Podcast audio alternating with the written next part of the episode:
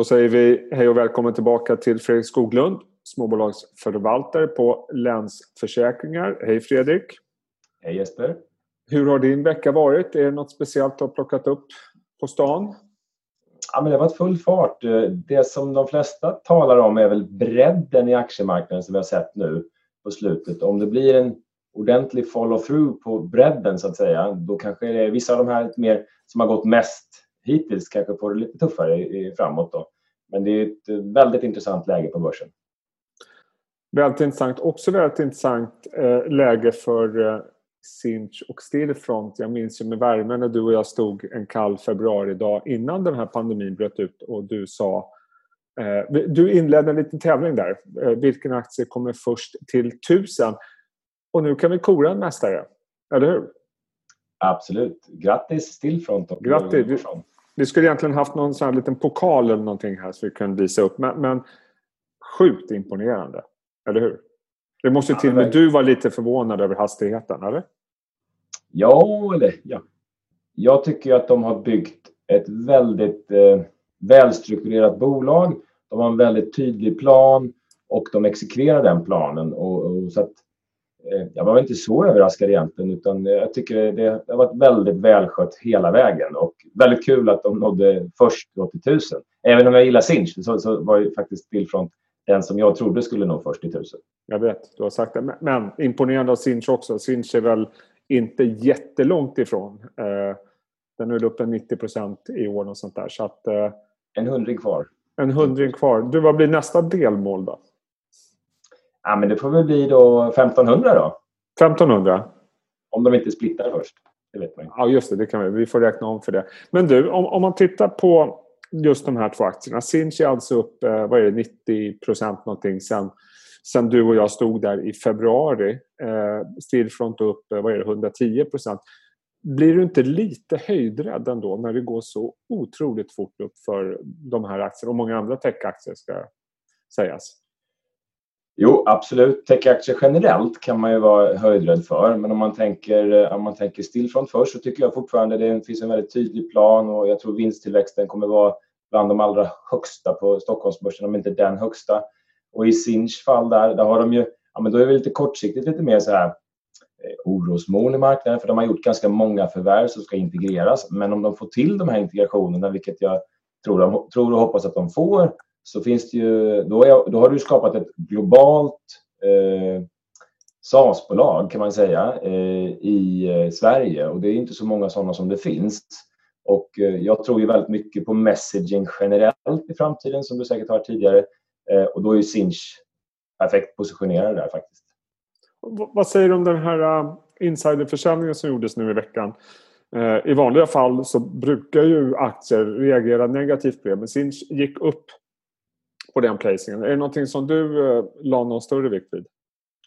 Ja, men det som... Eh, alltså, jag vet inte riktigt varför de har sålt, men det antar jag att de vill väl eh, omdisponera sina eh, aktier lite grann.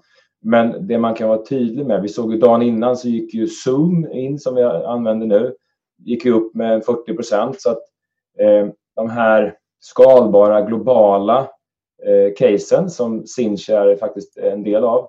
Eh, det är ju någonting som aktiemarknaden eh, är väldigt intresserad av just nu.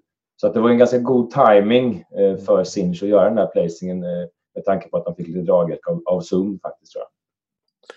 Vad ska vi annars säga om den här börsen? Vi går in här i hösten. Eh, september har ju börjat oerhört starkt. När du och jag sitter och pratar så är Stockholmsbörsen upp 1,5 procent. S&P var upp vad var det, starkt igår också. Eh, vad är din reaktion på det? För det är fortfarande så att, som vi nämnde tidigare, det är väldigt techstyrt, inte minst i USA på den här börsuppgången. Hur, hur är dina tankar inför hösten? Ja, men det var som vi pratade om sist där. Det finns ju vissa bolag som verkligen behöver ett vaccin för att mm. försvara sina värderingar. Sen finns det vissa bolag, och där är ju techbolagen eh, del av det. De går ju bra oavsett vad som händer egentligen, om det kommer något vaccin eller inte. För att Eh, människor har förändrat sitt beteende med mer distansmöten, med mer eh, e-handel, eh, mer digitalisering generellt. Så de bolagen är ju liksom lite mer, mindre rörelserisk alltså, i det korta perspektivet. Då. Sen om vi får en helt normalisering om något år eller sådär, ja men då, då kanske pendeln svänger tillbaka. Men det vet vi inte riktigt än här och nu hur det blir. Men jag är gammal nog att komma ihåg en tid då värderingar fortfarande spelade en roll. Eh, det gör det säkert nu också. Men man blir ju lite, får ju lite ont i magen när, du, magen när du ser några av de här P-talen på de här bolagen. Visserligen, det är fantastisk tillväxt. Eh, rörelsen påverkas positivt i många fall. Men det är ju väldigt höga värderingar på väldigt många håll. Men det verkar inte marknaden bry sig så mycket om. Nej, inte just nu. Och eh, Ja, du är förvisso några år äldre än mig, men jag var ju även med... Visar under, också. Jag var, jag var ju IT-analytiker 98 till 2003. Jag var mm. med på vägen upp med Stefan Horstein och Birgersson och company. Eh, och sen så var jag med på vägen ner. Eh, det var en otrolig lärdom för mig. Men skillnaden från då och nu om man tänker techbolag så är det ju om man liksom tittar på deras intjäningsförmåga, kassaflöde, Tillväxten är ju liksom fantastisk. Och hela samhället har ju digitaliserats. Så att den jämförelsen är helt annorlunda nu jämfört med då. Så att de här etablerade bolagen har jag svårt att se att... Eh, alltså, det är klart att det finns eh, risker där också, men det är lite annorlunda läge jämfört med då och nu. Sen så finns det ju i den onoterade miljön, där finns det ju väldigt mycket kapital som söker investeringar. Och det är klart att där kommer det finnas massor med bolag som inte lyckas.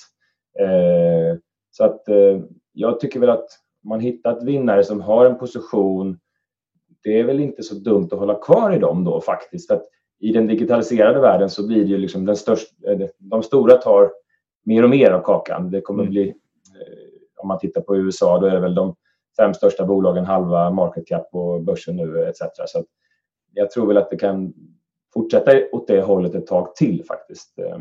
Men, men värderingar, jag, jag håller med dig. Eh, där kan man ju säga att om det inte kommer ett vaccin och vi får en eh, normalisering av världen och, och efterfrågan från mer generella verksamheter, verkstad och vad det nu kan vara, kommer tillbaka så, så är värderingarna otroligt höga. Och det enda sättet att motivera det, det är ju att vi numera då med snitt inflationsmätning kommer ha ränta som är låg ännu lite längre ja. Eh, än vi trodde tidigare. Då.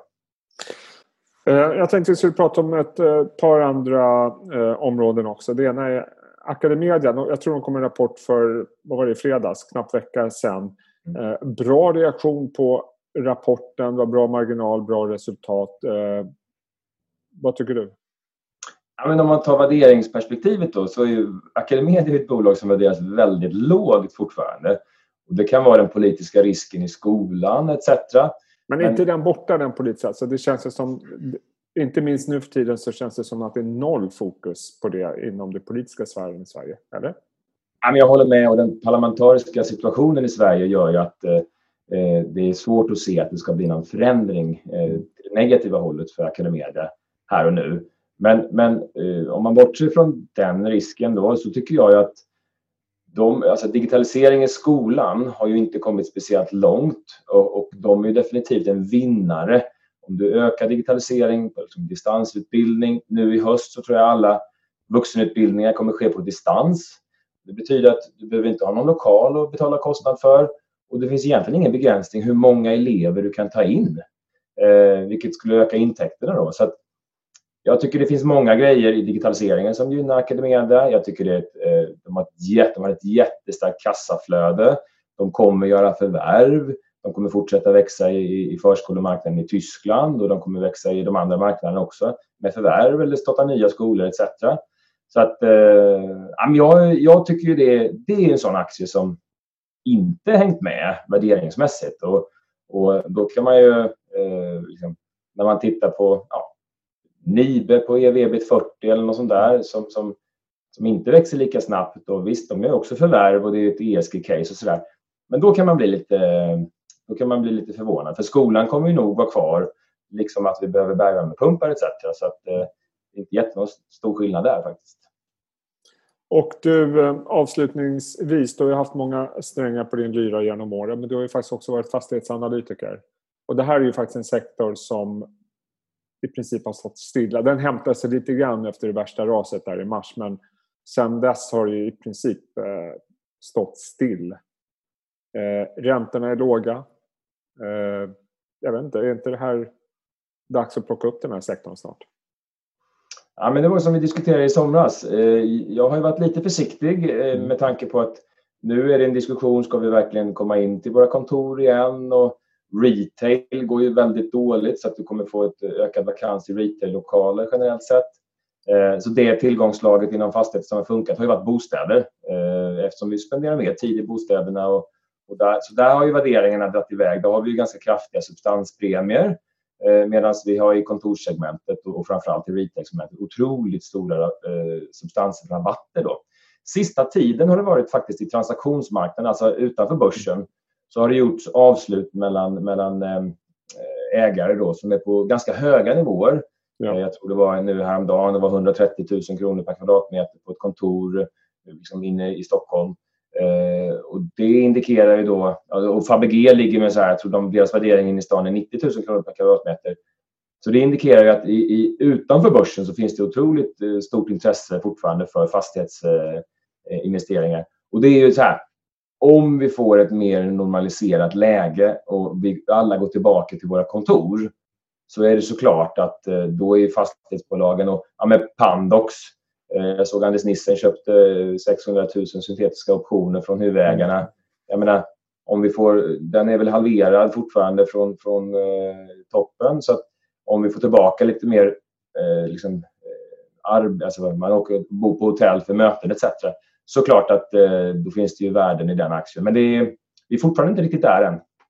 Nej, men det känns ändå som att det börjar komma lite fler signaler på att det börjar eh, lätta upp lite grann. Och vi ser ju också fler människor på kontoren där ute och många som vill komma tillbaka på kontoren, hör jag. Eh, plus det vi har pratat om tidigare, du och jag, att det är flera bolag som vittnar om att produktiviteten har minskat successivt eh, ju längre man sitter hemma.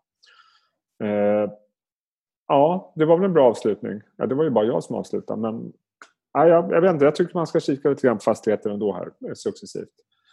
Eh, vad händer annars i ditt liv då? Hur går det med fondarbetet? Det går framåt. Eh, jag är kvar på Länsförsäkringar till 16 mm. september eh, och eh, då får vi sätta fart på riktigt. Spännande. Hörru. Du, sköt om dig och ha en fin torsdag. Detsamma.